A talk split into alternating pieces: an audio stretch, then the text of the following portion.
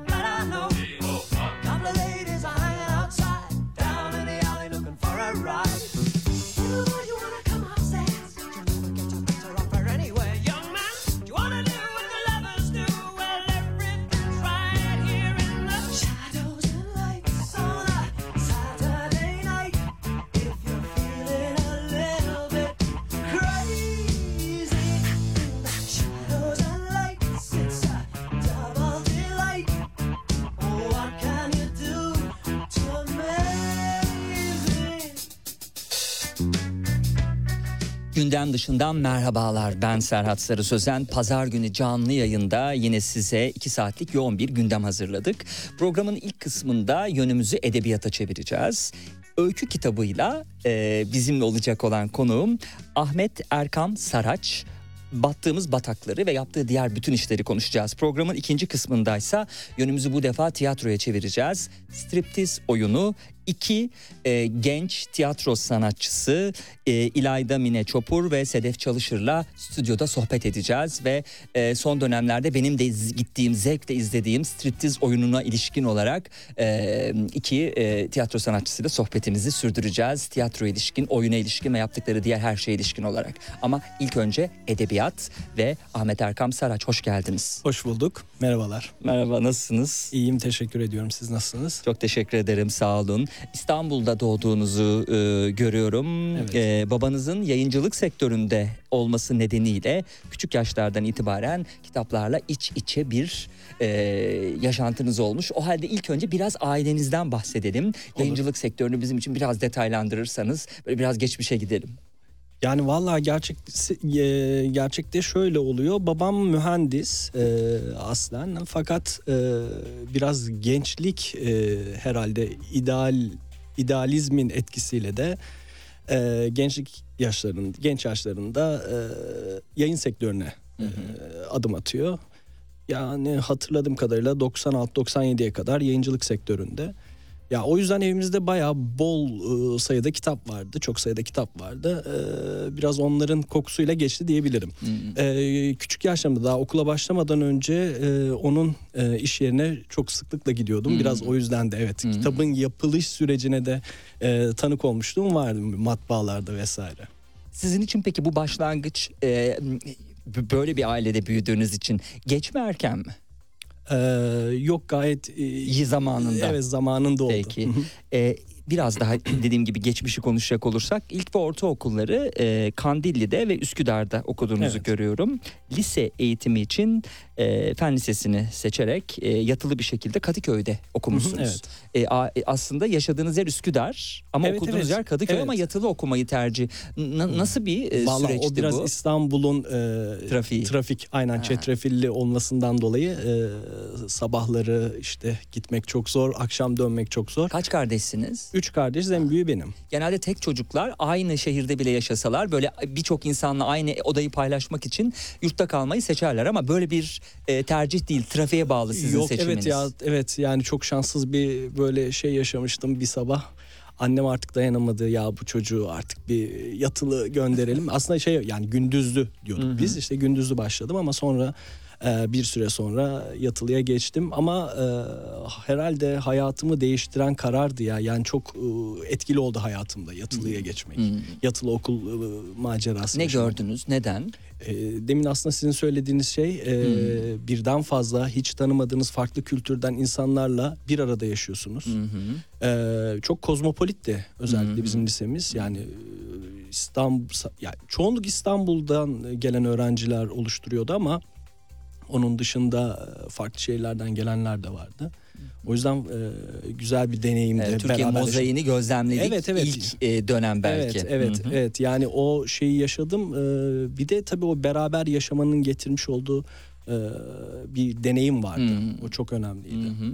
Şimdi tabii battığımız bataklara adım adım gitmeden önce öykü kitabına bir Ahmet Erkam Saraç'ı tanıyalım. Çünkü ilk öykü kitabı özellikle yazarların e, kendilerinden özellikleri de değil mi e, okuyabileceğimiz e, metinler oluyor. Neleri yakalayabileceğiz öykülerle öyküleri girip çıkarken. Şimdilik bir şey yakalamadım bu arada onu söyleyeyim sevgili dinleyenler. Peki sonra üniversite tercihi için başka bir şehir ve Evet. yolunuzu Ankara'ya çeviriyorsunuz. İstanbul'da da birçok iyi- üniversite varken siz Ankara'daki çok iyi bir üniversitede Bilkent Üniversitesi'nde değil mi yanılıyorsam Evet, evet. düzeltin. Evet, evet, Bilkent. Ee, ekonomi bölümünde okumayı tercih ettiniz. Tabii fen e, sayısala bir yönelim var. E, edebiyat değil ama o da üniversitede de kendisini gösteriyor ve e, ekonomi yönünde tercihinizi yapıyorsunuz. Evet o biraz ayrıksı bir tercih oldu diyebilirim. Yani e, fen lisesine adım atan öğrenciler için genellikle beklenti işte mühendislik, belki, tıp, mühendisliktir. tıp tabii tıp Hı, çok e, yoğun bir şekilde tercih ediliyordu zaten.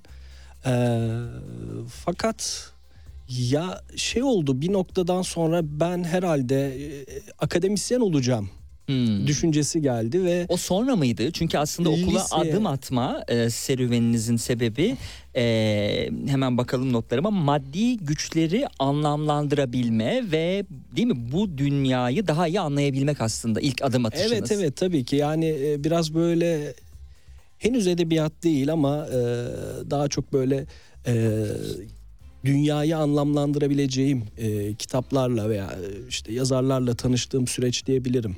Lise 3 e, senesine özellikle. E, bir noktadan sonra ya ben biraz daha e, sözel alana kaymalıyım. Hani daha çok böyle e, o dönemki lise tabirleriyle söylüyorum tabii bunu. Ee, ondan sonra benim için olabilecek en e, makul tercih ekonomiydi. Ekonomiyle ilişkinizin ilişkiniz nasıldı peki bu süreç Ekonomiyle ilişkim e, çok iyi değilmiş herhalde. Lise öncesi üniversiteyi e, söyleyecek olursak üniversitede rezaletti diyebilirim ilk başta e, başlangıç aşamasında ama daha sonrasında e, üniversiteden mezun olduktan sonra biraz ekonomiye olan ilgim arttı. Yani oku, kendi okumalarımla. Çünkü üniversite döneminde çoğunlukla e, kendi alanım dışında okumalar yapıyordum. Özellikle e, edebiyat alanında okumalar yapıyordum. E, sevmiyordum yani çok işin özeti bu.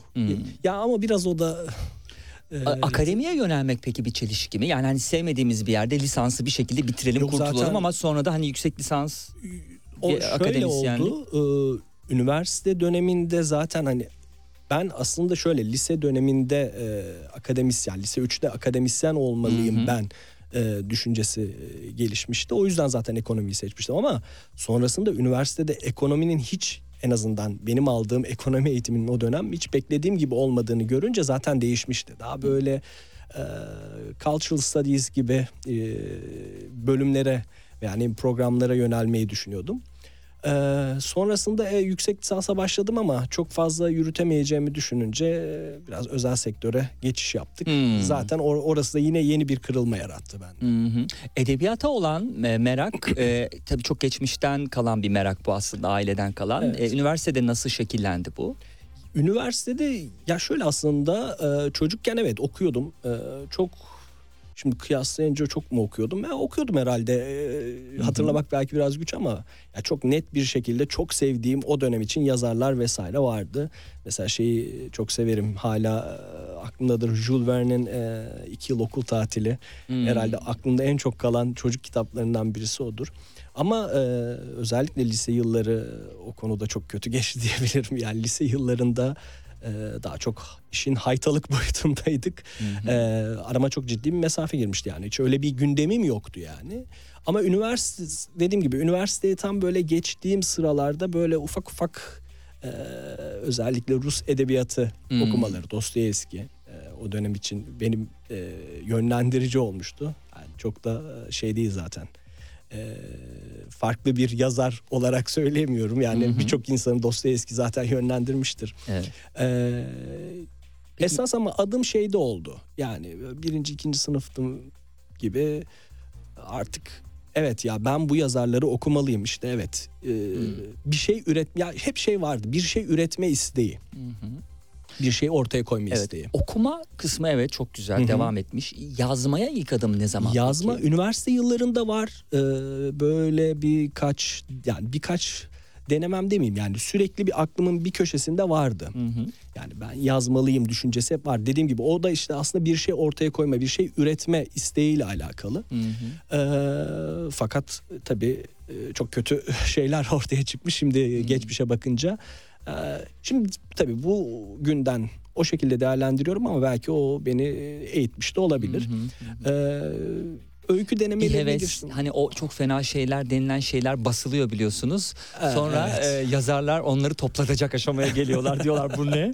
Sizin şansınız belki de yayınlatmadınız onları kimseye kendiniz için. Tabii tabii çok böyle birkaç Aa, göstermeyecek kadar. tabii birkaç tane böyle çok yakın arkadaşım, ev arkadaşım, Hmm. Ev arkadaşlarım vardı. Onlara gösterdim galiba. Ya yok aslında bir dakika şey, e, bir iki tane yazar ve şaire göstermiş olabilirim. Evet ama onlar benim yakınlarımdı. Evet. Yani öyle çok profesyonel bir şey değil. Ee, Ne dediler? yani Sen yazma. Yok onu onu hiç demediler işte. Hayır Güzel. şöyle dediler. e, ya hiç kalp kırmadan Hmm. ya senin kalemin var ama hani Ha, aması ha, şey. güzel, çok kibar, naif Şunları şunları gelişim. mı okusan acaba diye Hmm, yönlendirdiler. tabii tabii o e, onların hakkını Şey de yemem. kötü. Çok güzel devam et. Şaheser Yok, yok, olmuş. hayır. Çık yola da değil. Öbürü de değil. Çok güzel dengeli Çok- bir yönlendirme. Çok iyi Güzel. yönlendirdiler onlar. Yani kalemin var. e, ya bir şeyler yazabilirsin ama hani bu şekilde değil. Biraz çalışman gerekiyor.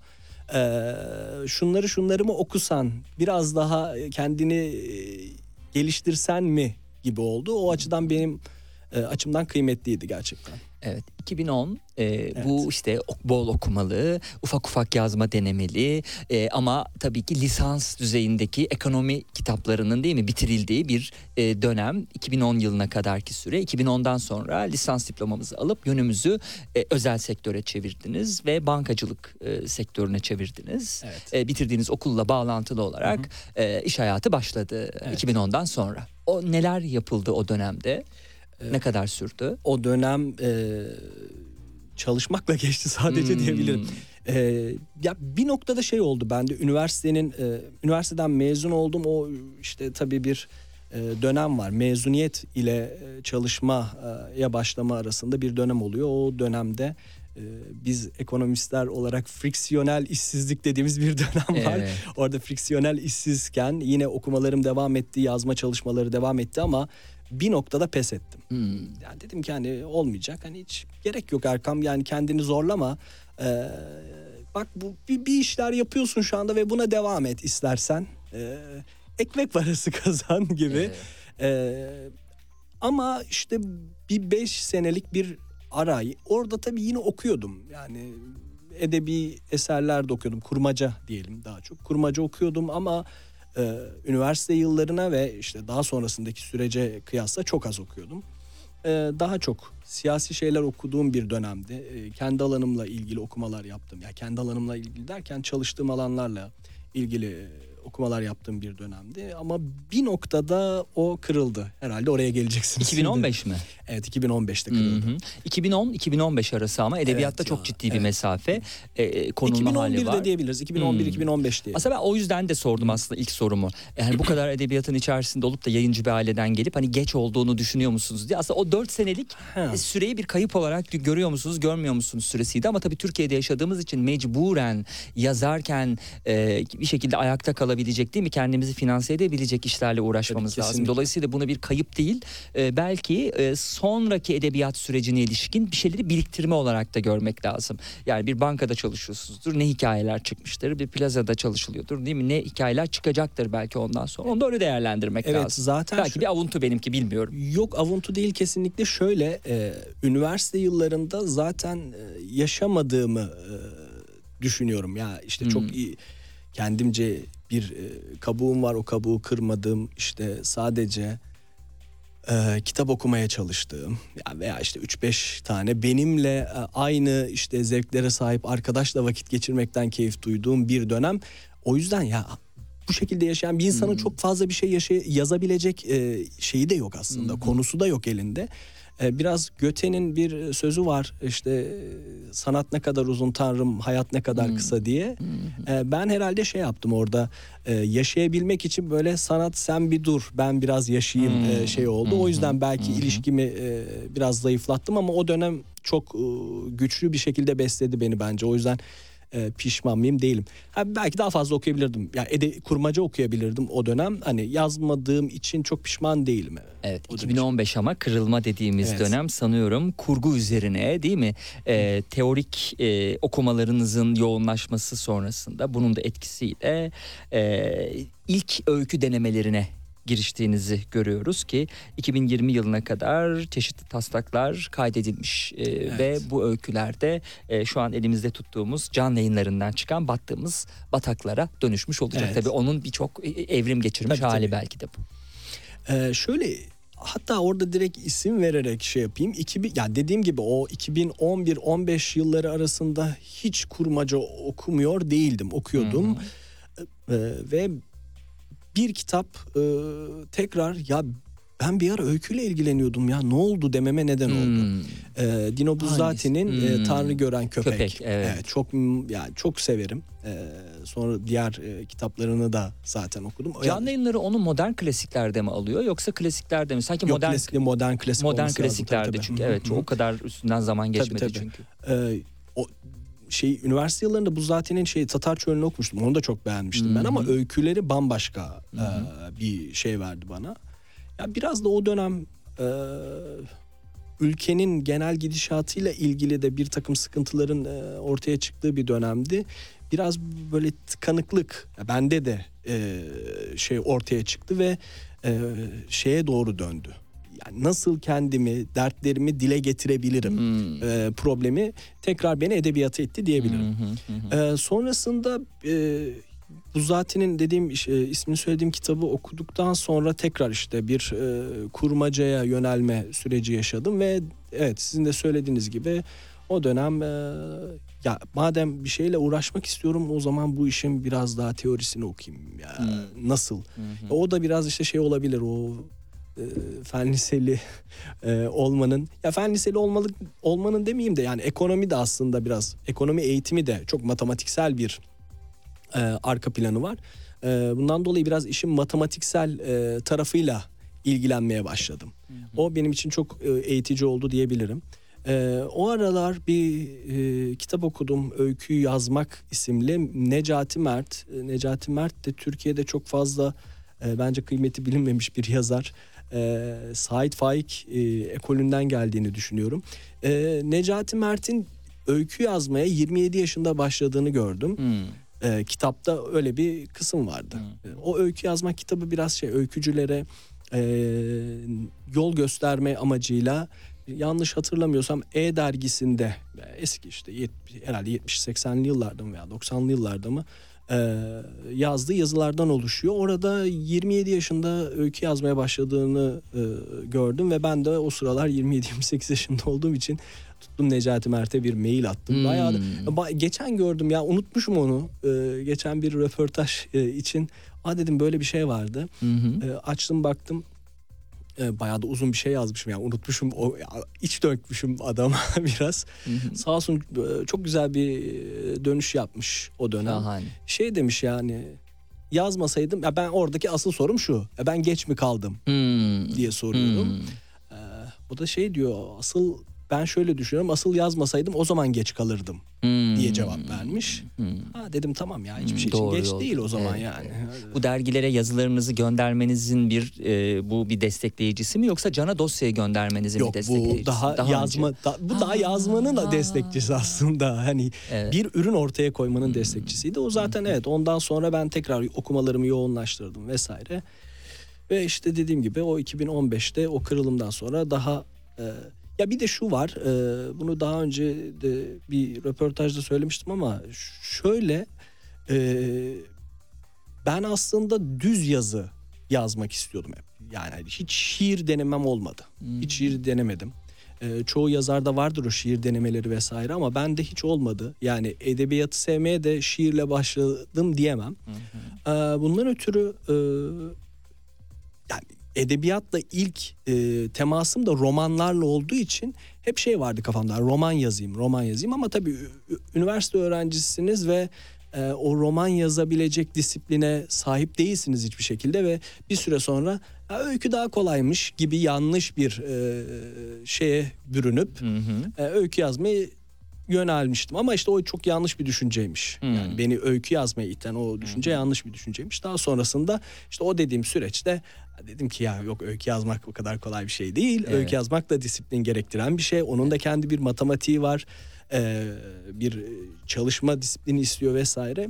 Ee, Daha e, düzgün en azından yerli yerine koyup e, öyküyü yani romana göre işte daha kolay bir e, şey tür e, demekten çıkarttım. Evet. Bu arada şiiri çık- tamamen hayatınızda yok. Yok, hayır, Günün yani birinde okuyorum. ol- ya yazma Yok, anlamında, yok, yazınsal anlamda. Peki size o halde Okan Yılmaz'ı konuk etmiştik. O zaman iletişim yayınlarındaydı. Everest'e transfer olmuş. İki şiir kitabını gönderdi. Birini bana imzalı göndermiş. Hatırladınız mı diye. Hatırladım tabii Okan Yılmaz sizi.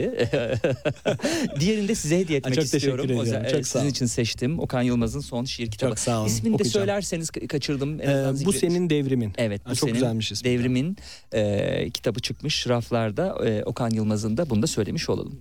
Peki e, siz o cesareti bulduktan sonra bu defa yazıp dergilerde yayınlattınız e, öykülerinizi. Evet. Bu kitaptaki öykülerin hepsi yayınlandı mı ya da ne, ne kadar bir kısmı yayınlandı? Hiç. Yok yok yayınlandı. Ee, yayınlanmayan var. Koku yayınlanmadı. Murat Bir Baba dese de yayınlanmadı. Hmm. Murat Bir Baba Murat Bir Baba dese benim e, çok sevdiğim bir öyküm. Hı hı. Ee, Kızınızla e, değil. Yok yok. yok Zaten bambaşka bir hikaye Evet, anlatıyor. evet. Konuşacağız Tamam. biraz Hı hı. sonra. Peki. Ee, şey ama e, o yayınlanmadı ya. Onu birkaç yere gönderdim. o şanssızdı biraz. Onun bir şanssızlığı oldu ama ben çok seviyorum öyküyü. Ee, çok sevenler de var. Ya babam Hı hı. başta olmak üzere babam Hı. çok seviyor. Hı hı hı. Ee, onun dışında kokuyu da yayınlatmadım. Ama Evet. onun diğerleri yayınlandı. Cana dosyayı 2020'de hazırladınız, e, gönderdiniz. 2021. 2021. Peki. 2023'te, 2023'ün başında belki 2020 sonuydu bilmiyorum. Yani Sonu. sonuydu. O zaman bir İki. buçuk, Tam iki yıl. yıl. Tam Tam, iki iki yıl. yıl mı? Hı Ha, hı. gerçi 2023 bittikten sonra doğru. E, iki yıllık bir bekleme süresi var. Hı hı. Ama size yayınlanacağı sözü verildi ama sıraya girmesi gerekti kitabı. Nasıl oldu o bekleyiş? Şöyle- Kolay değil. iki yıl uzun bir süre. Ya İnsanlar şu- üniversiteye evet. başlayıp bitiriyorlar bu süre içinde. Ya şöyle oldu. 2021'in e, Temmuz ayıydı galiba. Ben e, dosyayı ya dedim tamam göndereceğim. İşte sağ olsun birkaç arkadaş da e, şey yaptılar. Dosyayı okudular. e, önerilerini sundular vesaire. E, akabinde 2021 Temmuz'du galiba. İşte şeylere gönderdim yayın evlerine ama e, çok fazla açılmadım. Yani birkaç tane yayın evi vardı kafamda zaten ilk başta. Hı hı. Tahmin edebileceğiniz Evet. yayın evleri. Cam başta olmak üzere. Çok iyi Ee, bir başlangıç bu arada yapmışsınız. Teşekkürler çok sağ olun. Ee, gönderdim ve beklemeye başladım. Yani ama ben zaten şeyin bilincindeydim. Çok hızlı dönüş olmuyor çünkü bu yayın evleri e, inanılmaz sayıda dosya kabul ediyorlar. Evet, Ee, Normal olarak.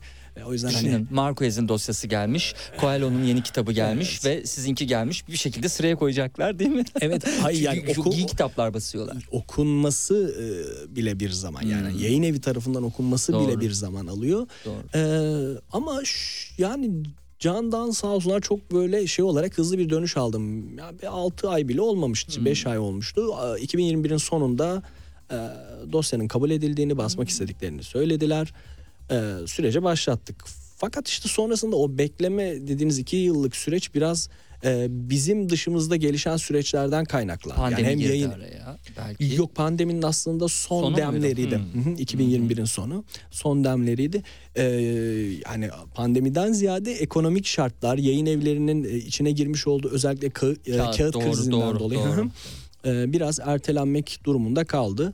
E tabii biraz yıpratıcı oluyor kendi içinde ama ya şey yok yani kitap çıktıktan sonra da e, yani olsun beklemişim ne olacak ki e, Evet, düşüncesi oluşuyor evet, biraz. Evet değil mi? Ee, konu içerisinde hayatın nefes alıp verdiği öyküler yazdı. Yanı başımızdaki kırgın ailelerin, toksik ilişkilerin, yalnız bırakılmış çocukların, eh, yeri doldurulamaz kayıpların bataklarını anlatıyor. Bazılarının çıkmak için çabalarken daha da gömüldüğü, bazılarının dibe vardığını bile fark etmediği bataklar bunlar diye e, kitabın tanıtımından e, aktarmış olayım. E, ve şimdi bu battığımız bataklar e, e, öykü kitabından e, birkaç öyküye girelim. Vaktimiz tabii. el verdiği ölçüde. Tabii. E, tabii e, her bir öyküyü detaylandırırsak belki e, diğer öykülerin tadı kaçmaz ama hani kısa konuşursak da kalan süre içerisinde belki birçoğuna böyle kısa kısa girmiş Olur, çıkmış oluruz. E, öyküye kitaba adını veren öykü ilk öykümüz Battığımız Bataklar. Burada Cenk ve e, Melek arasındaki aslında tam olarak kitabın tanıtımında da geçen toksik ilişkiye şahit Evet. oluyoruz değil mi? Evet evet. İnsanlar Tam arasındaki bir gözlem yani e, o aileye giriyoruz e, o birbirlerini zehirledikleri ilişkileri görüyoruz. Niye devam ettiklerini anlayamıyoruz ama zaten etrafımızdaki birçok kişiye de e, anlayamadığımız ortak hislerle birlikte hayatlarından çekiliyoruz gibi. Buyurun. Evet. Ee, niye devam ettiğini anlayamıyoruz dediniz. Aslında çok anlaşılır bir şey. Yani ikisi de aslında çok sıkıntılı tipler. Hmm, Birbirlerini bulmuşlar e, ve başka çareleri yok. Hmm. Ee, o düşünce Hmm. aslında hakim bence. hı hı. Ee, ya battığımız bataklar herhalde benim o kitapta yazdığım son öykü olabilir. Ee, Hmm. Biraz e, şey de söyleyeyim. Ee, Büyük Ev Ablukada'nın e, Hoşça Kal Kadar şarkısından esinlenilmiş. Oradaki battığımız bataklar Hı hı hı. şarkıda geçen bir söz. Ee, ama genel şeye baktığımızda evet battığımız bataklar kitaptaki temaların e, bir bütününü veriyor aslında Hı hı. genel olarak. Evet. Yazım dili anlamında da e, Melek ve e, değil mi e, Cenk. Cenk. arasında aslında gidip geliyoruz eş zamanlı olarak. E, Evet, farklı bir yazı karakteri kullanmak suretiyle aslında o onların Evet. e, iç dünyalarına girip Ya, ya, zaman evreni olarak da Evet zamansal anlamda Evet. bir kırılım var. Hı hı. Yani işte bir şeyi görüyoruz. Bir e, evdeki durumlarını görüyoruz. Hı. Oradaki işte demin sizin de söylediğiniz o toksik ilişkinin e, bir yansıması. İşte bir tartışma hali ve giderek yükselen bir tartışma halini görüyoruz ama öte yandan Cenk'in işte bundan artık ne kadar zaman önceyse ben de bilmiyorum ne kadar zaman önce bir e, evden evi terk ettiği bir güne bir akşama e, gidiyoruz. Biraz onunla e, aslında şeyi tamamlamış oluyoruz. Hı hı. O tartışmanın Hı. e, arka planında neler var, ne düşünceler var onu e, tamamlamış oluyoruz. E, İkinci öyküde de Murat bir baba Evet. dese e, orada da aslında e, hapishanede babasını ziyaret etmek üzere hazırlanan e, Murat ve e, ablası Şebnem'in cezaevine gidiş e, Evet. yolculuğu Evet. değil mi? E, işte dedesi, annesi, işte babaannesi, anneannesi. e, Dedesi, babaannesi, anneannesi e, şeyde. Biraz evet doğru doğru. Ee, evet bu öykü ilişkin ne deriz Murat bir baba dese. Ha, orada da tabii Şebnem hazırlamaya çalışıyor kardeşini. Çünkü Evet. küçük olduğu için değil mi Ee, onu çalıştırıyor bir taraftan Ee, baba demesi için bir sürpriz hazırlayacak kendisine göre Evet. ama e, tabii kolay bir şey de değil. Yani o hapishaneye gidiş ortamını çocukların gözünden e, aktarabiliyor olmak. Evet ya biraz o e, çocuk dilinden bir şey yazma e, düşüncesi çok üzgünüm ki öykünün ismi aklıma gelmiyor. Ayfer Tunç'un bir öyküsü vardı. E, harika bir öyküydü. E, küçük bir kızın dilinden yazılmış. Şimdi gelmedi ne yazık ki aklıma. Bir de Adalet Ağaoğlu'nun Yasemin İşçileri isimli öyküsü vardı. Biraz onlar ilham verdi diyebilirim. Kuru kız olabilir mi acaba Ayfer Hayır hayır Tunç'un? o değil. Kuru değil, Kız pardon. e, son kitabı bir Hı hı. öyküsüydü Ayfer Tunç'un. E, Hı hı. yanlış hatırlamıyorsam mağara arkadaşlarında olabilir, Olabilir. öykü. Ee, oradan bir e, ilham aldım diyebilirim. Ee, ne yazık ki yani oradaki hikaye yani çocukların e, hapishaneye ziyarete gitmeleri e, çocuklar için çok güç bir durum. Tam nereye gittiklerini de algılayamıyor. Zaten Murat zaten algılayamıyor da hani Şebnem de algılamakla algılamamak arasında ama bir yandan da e, babasının yokluğunu e, yani çünkü Murat için hiç yok baba. Çünkü baba da diyemiyor ve onu kapatabilmek adına e, bir gayret içerisinde Şebnem. E, bir çocuk dilinden öykü yazmak e, zor olduğu söyleniyor. Yani çünkü çok yapmacıklığa kaçma ihtimali var.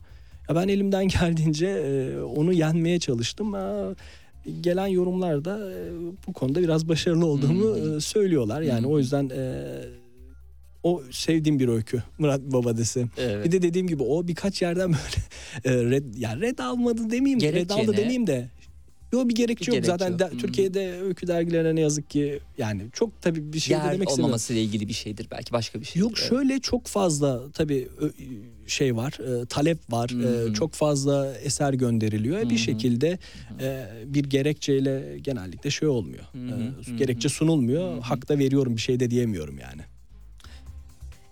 Ahmet Erkam Saraç'la Battığımız Bataklar öykü kitabını konuşuyoruz sevgili dinleyenler. Durun tahmin edeyim öyküsüne baktığım zaman kitaptan bir alıntı yapalım demişim. Ee, 20 sene önce diye başlayan paragrafı bu. Heh. 20 sene önce ölüm döşeğindeki dedem benimle çok önemli bir şey konuşmak istediğini söylemişti. Kendimi güç bir vedaya hazırlayarak yanına gittiğimde lafı hiç dolandırmadan Tarık dedi. Üçüncü salgın sonunda dünya aynı dünya olmayacak. Bunu şimdi anlaman zor ama günü gelince tam zamanını tahmin edeceksin. Burada da aslında Tarık'a yüklenen bir misyon var Evet. değil mi?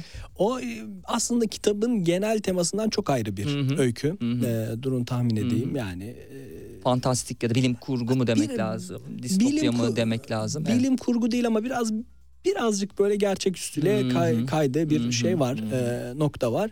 Ama o şöyle biraz daha benim e, işte almış olduğum eğitim e, ekonomiyle alakalı. Çünkü Hı hı. orada e, Tarık bir ekonomist oluyor. Yani e, ş- o gücünü mi diyelim artık lanetini mi e, biraz e, ekonomi dünyasından Hmm. e, ekonomi dünyasından demeyelim de daha çok finans dünyasında bir e, para kazanmaya aracı kılıyor diyebilirim. E, yani öykü hani eğlenceli olmasını istedim. Dediğim gibi biraz da benim kendi e, eğitimimle alakalı e, o şeylere en azından terminolojiye biraz hakim olduğumu e, olduğum için onu kullanmak istedim. O, o şekilde bir öykü. Evet. Şimdi o zaman tekrar size dönecek olursak öykülere de döneriz de, e, vaktimiz kaldığı ölçüde 2016 yılından bu tarafa serbest olarak Hı hı. e, çalışıyorsunuz ki e, edebiyata da e, vakit buluyorsunuz. Bu bağlamda e, üniversite yıllarında sevmediğiniz fakat sonrasında kendi yaptığınız iş olmasından dolayı da artık e, değil mi çok kanıksadığınız, çok sevdiğiniz ekonomiye Evet. e, yönelik e, dersler veriyorsunuz. Evet evet benim e, Özel dersler mi bunlar yoksa Evet. sınıf dersleri? Yok yok sınıf değil birebir dersler Hı hı. veriyorum genellikle. Ah, hem Kime veriyorsunuz bunları? Lise- Ben ekonomistim diyene mi veriyorsunuz mesela? keşke değil. Ee, keşke ama Hmm. değil. Ee, lise öğrencilerim var. Ee, özellikle yurt dışına e, üniversite okumak yani Hmm. üniversite okumak için yurt dışına gitmek isteyen öğrenciler bunlar çoğunlukla. Hı. Ee, onun dışında üniversite öğrencilerim var yine e, farklı üniversitelerden ama ağırlıklı bizim e, benim kendi mezun olduğum e, Bilkent Üniversitesi'nden. Biraz böyle şey e, her e, seviyeye yönelik aslında e, Matematik bilim- değil değil mi? Ekonomi mi matematik ekonomi mi? yok yok ekonomi, evet. veriyorum. Aha. Ee, yani ama ister istemez tabii matematiğin içine Hmm. giriyoruz. Ekonomi matematikten Hı hı. hiç kopuk bir alan Hı hı, değil. hı hı. Ee, ya bunu da geç keşfettim aslında sağ olsun bir arkadaş e, vesile oldu diyeyim E, ve e, şey yaptım. E, ders anlatma yani daha doğrusu ekonomi anlatmayı çok sevdiğimi fark ettim Hmm. sonra. Çok keyifli hatta böyle e, tanık olanlar da ya sen bunu işi bayağı seviyor musun? E, çok da iyi yapıyorsun demeye başladılar. E, o da böyle benim için itici bir güç oldu. E, o yüzden hani şu an gayet çok keyifli bir şekilde yapıyorum. Evet. Üniversitede okuyanların da ihtiyacı olan bir şey değil mi? Zor da anlaşılan bir şey. Mesela makro Evet, evet. iktisat, mikro iktisat Tabii gibi şey, onlar de e, belki. özellikle kendi üniversitemi yine şey yapayım. Hmm. E, Bilkent'te özellikle çok zor. E, Evet. Onlara e, ihtiyacı oluyor yani. Bir böyle şey yapıyorum. Destek olmaya çalışıyorum elimden gelince ama e, ya lise öğrenci mesela bizim zamanımızda ben hiç ekonomi lise yıllarında hiç karşılaştığım bir alan değildi tabii ki. bizim e, klasik milli eğitim e, sisteminde. Fakat e, bu son yıllarda özellikle e, biraz beyin göçünün de etkisiyle çok erken yaşlarda başlayan beyin göçünün de etkisiyle e, yurt dışına lisans okumak e, lisans okumak için yurt dışına gitmek isteyen öğrenciler Hmm. e, alıyor e, hı. ekonomi dersi. E, onlarla da çok keyifli oluyor. Ben de dediğim gibi çok ders yaptığımda geldim. Şahane. Öyle mi? Bugün de. Evet evet. Şahane.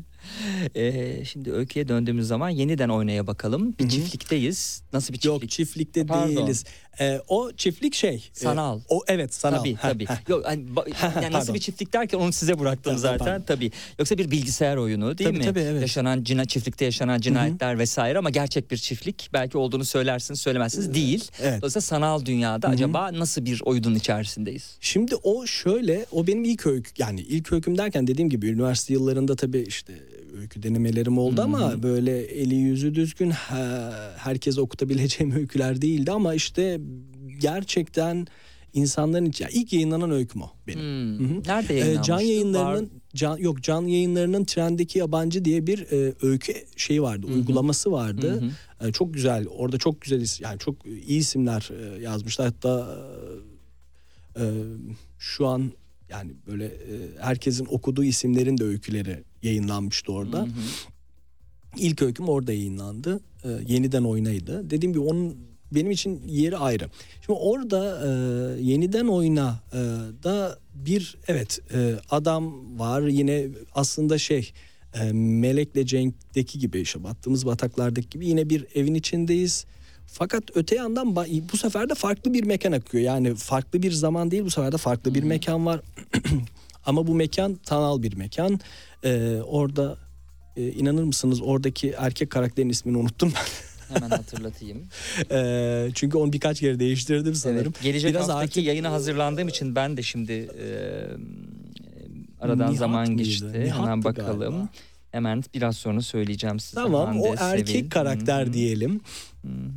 Erkek karakter e, oyun oynuyor ve e, oynadığı oyun aslında bir oyundan e, yani e, şey e, gerçekte var olan bir oyunun benzi. Nihat. Hah, Nihat, Nihat, evet. evet. Gerçekte var olan bir oyunun e, şeyi e, benzeri. Hı hı. E, Hitman diye bir oyun vardı onun e, benzeri bir oyun yaratmaya çalıştım. Hı hı. Ee, işte tabii oradaki durum farklı yani bir felaket yaşamışlar karı koca ve bunun üstesinden gelmeye çalışıyorlar bir şekilde. Ee, Nihat'ın üstesinden gelme şekli biraz farklı. O oyunlara dalarak oyunların içerisinde e, bunu e, halletmeye çalışıyor. Ee, dediğim gibi o, o öykünün yeri bende ayrı ama işte üzerinde artık çok fazla durduğum için ismini bile unutmuşum. Yazdığım karakterin bir, bir noktadan sonra şey Öykü oluyor. olunca değil mi? Çok öyküler olunca öyle Ya oluyor. Belki çok- yayınlananın dışında da başka öyküler var, vardır. Var evet ama şu e, şöyle bir şey var bir de üzerinde çok fazla hani yayınlanma sürecinden önce çalıştığımız için artık bir noktadan sonra insan bıkıyor Dönüp diye dönüp tabii bakmıyor. Evet. Kitapta e, aslında cezaevi ya da işte e, işte onunla uzantılı işte odalar, e, ranzalar vesaire e, var. Üç öyküde değil mi Evet. bunun e, izlerini Hı hı. görmüş olduk. Bunlardan ikincisi de hani kokuya geçeriz belki ama Tıraş Köpüğü'nden bulutlarda da yine bir çocuk karakterin e, dünyasına giriyoruz. Ailesi ayrı yaşayan anladığımız Evet, kadarıyla evet. bir kızın Neva'nın bu defa karakterin ismini söyleyeyim ben ben, size. ben onu biliyordum. onu unutmadım. Neva'nın küçük dünyasına e, kendimizi buluyoruz. Evet orada da e, ya şöyle e, kitap üzerine bir inceleme yazılmıştı. Hatice Tosun yazmıştı. Orada e, ben de daha sonrasında fark ettiğim bir şey söylüyor. Yani her öyküde aslında bir oyun şeyi var. Hı hı. Yani bir oyun e, teması var. Asıl tema oyun olmasa da oyun her zaman dönüyor. İşte battığımız bataklarda farklı bir şey var. İşte zaten yeniden oyna e, adı üstünde e, ve o tema zaten onun üzerine kurulu. E, Burada da şeyde de e, tıraş köpüğünden bulutlarda da Neva biraz çocuğun babasını ve babasının partnerine karşı gerçekleştirdiği bir oyun var. Biraz onun üzerine kurguladım. Yani o çocuk dünyasına yine aslında bir inmeye çalıştım. E, buradan aslında şeyi de söyleyebilirim. O çocuk dünyası özellikle işte Murat bir baba dese ve işte Bu öyküde, e, bu öyküde Tıraş Tıraş, Köpüğü'nden Köpüğü'nden Bulutlar'da. bulutlarda biraz kızım olmasının avantajından Hmm. faydalandım diyebilirim. Evet yani o onunla aramdaki ilişkiyi biraz kullandım şey olarak. Olumlu yönde kullandım diyebilirim. Evet Azra'ya da sevgiler Evet, gönderelim o halde. Kaç yaşında şimdi? Azra 8 yaşında. 8 yaşında harika.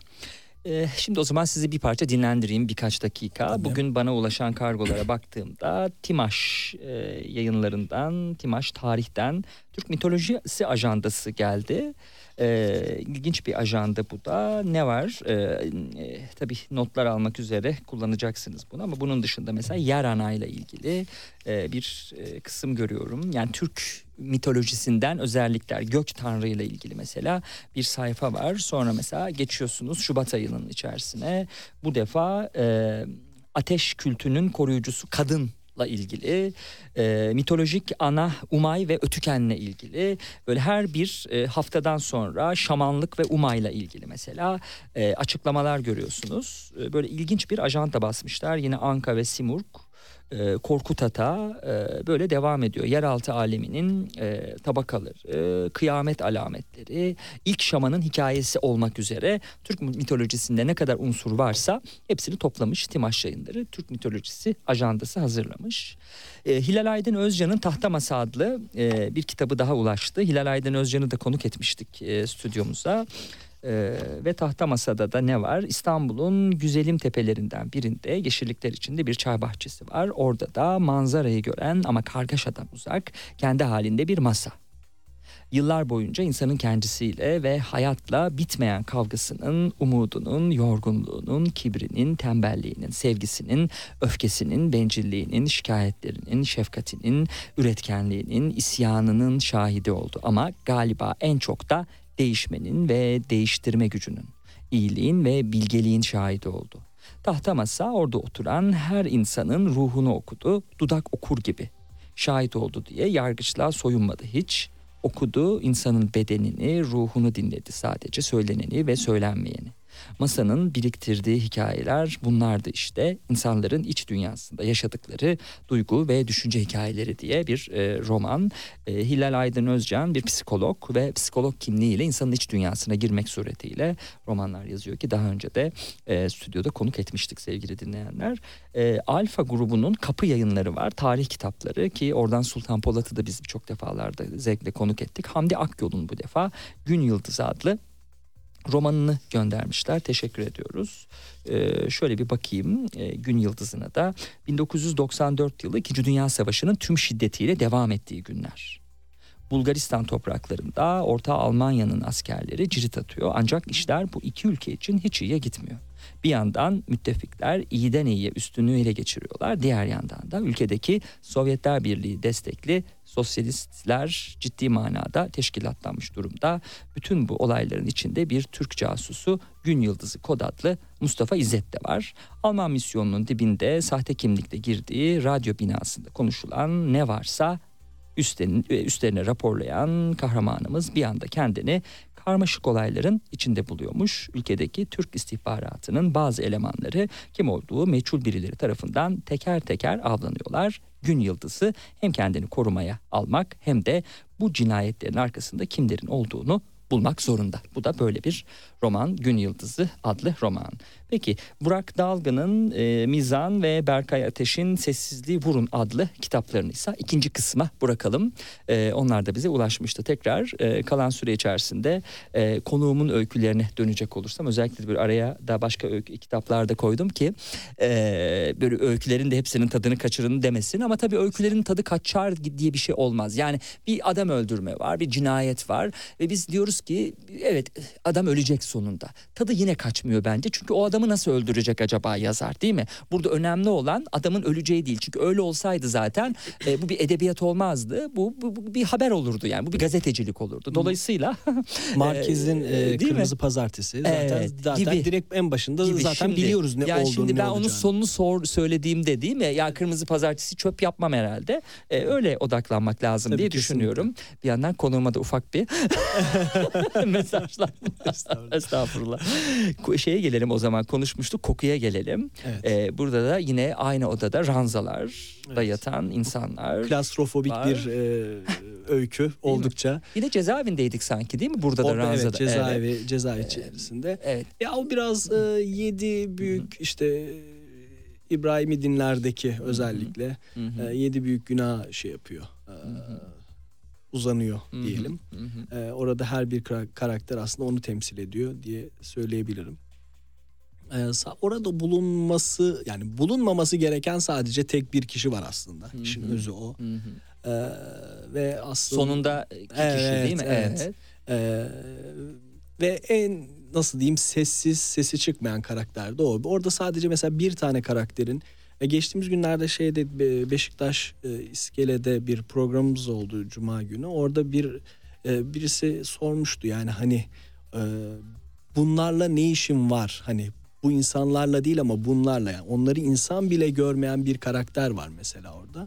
Aslında o kibir hı hı. simgeliyor. Aslında sen de onlar gibisin. Sen de diğerlerinden hiçbir farkın yok. Orada onlardan farklı olan sadece birisi var. Onu o söylemiyor ama sen söylüyorsun. Ee, ya biraz o genel olarak toplumun aslında şeyini e, göstermeye çalıştım diyebilirim. Yani tabii ki tam böyle bir toplumsal bir şey değil ama ya, her zaman tanık olduğumuz bir e, görüntü bir nevi. Onu çok böyle e, yoğun bir e, duyu şeyi olan kokuyla vermeye çalıştım. Hı hı hı. Ee, içimdeki ahlak yasasında o oradaki öyküdeki şey hoşuma gitti benim böyle bir siyasi falan deyip de böyle hemen kaçması o, o, o detay Evet, olduğu o- için onu konuşmaya gerek yok ama genel olarak öyküye baktığımızda cezaevinde ve ahlaki sorgulamalar içerisinde bu defa kendimizi buluyoruz. Evet, mesela o öykü e, ya çok e, şöyle e, orada belki hatırlarsınız bir e, sesle şeyi var ilişkisi var oradaki Yılmaz karakterinin. Ya o ses gerçekten benim bildiğim bir ses ve o ses şey e, e, anneannemler Sakarya'da oturuyorlardı işte biz küçükken işte 99'a kadar onların böyle evi şeye yakındı. Otobana Eskişehir İstanbul otobanına yakındı ve oradan geceleri e, o otobandan ses gelirdi. O arabaların geçme sesi. E, ve ben e, küçükken dinlerdim onu. O bununla ilgili bir öykü yazabilir miyim ya acaba diye içimden geçirirken sonra böyle farklı farklı düşünceler e, yani şununla ilgili de bir öykü yazayım, bununla da ilgili bir öykü yazayım derken aslında birleşmiş oldu. Ve e, Yılmaz'ın orada takıntılı olduğu ses benim küçükken takıntılı olduğum ses aslında biraz. Evet, evet sonunda dayanamadım. Sanki o ses harekete geçmemi istiyor gibi Ha, hissettim. evet. Çaldım e, kamyonu sürebildiğim kadar sürdüm. Sonra da buraya attılar işte. İlk günler zordu sen de yaşadın. Sonra bir gece sesin buradan da duyulduğunu fark ettim. Gecelerimi hep sesle geçirdim. Gündüzleri çabucak geçirebilmek için de kitap okumaya başladım. Bir gün kütüphaneden aldığım bir kitapta Kant'ın o sözünü okudum ki başta da zaten Evet. vardı.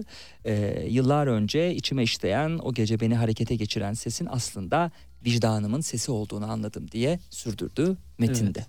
Ya o Doğru kısmı değil mi okudum? Evet evet evet o evet yani tam olarak Yılmaz'ın takıntılı hı. olduğu ses yani orada aslında tam olarak şey yapıyor. Kendi e, yapmış olduğu eylemi e, o takıntısıyla e, birleştirip yaptığı eyleme bir kılıf buluyor aslında. Hmm. Öyle diyebilirim yani tam vicdana ne kadar inanıyor Yılmaz bilmiyorum. Ben çok da Hmm, inanmıyor olabilir. evet. Adalete inanıyor herhalde biraz ama vicdana ne kadar inanıyor çok da emin değilim. Evet.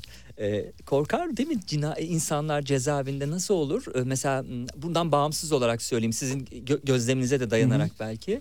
Ee, siyasi bir suçlu olduğu zaman daha mı çok korkar e, cezaevinde yaşayan insanlar? Mesela adam öldürme suçundan içeri girmiş. Hani bir şekilde namus cinayeti diye belki bunun bir kılıfı var. Korkulacak bir şey yok. Kapı kendi içinde tutarlı bir tarafı var ama mesela siyasi bir suçtan girmişse ondan daha mı çekinirler? Nasıl olur? Tabii E, bulunduğu yerle de bağlantılı e, tabii. tabii. Hangi e, ko- koğuşta olduğuyla da bağlantılı E tabii belki. yani bildiğim kadarıyla zaten hani bir şey beraber e, şeyleri yok yani zaten siyasi suçlarla adli suçlular dediğimiz e, kitle sonuçta. Zaten ayrı. ayrı. Evet yani Orada kimdi onu söyleyen? Hani siyasi suçlu e, ile kalmayacağını, ona be- ona Ya benzer şöyle bir şey işte söyleyen. Yıl- Yılmaz işte zaten Aha. hani amacı şu ben adli suçlarlıyım ama değilim aslında yani ben siyasilerle birlikte olmam gerekiyor düşüncesinde. Evet. Çünkü yaptığı eylemin bir Böyle vicdan eylemi, adalet eylemi olduğunu düşündüğü için o siya- kendisini siyasi görüyor işte o yazarın işte anlatıcıdan işte talebi o yani. Hani beni kurtar buradan şeklinde.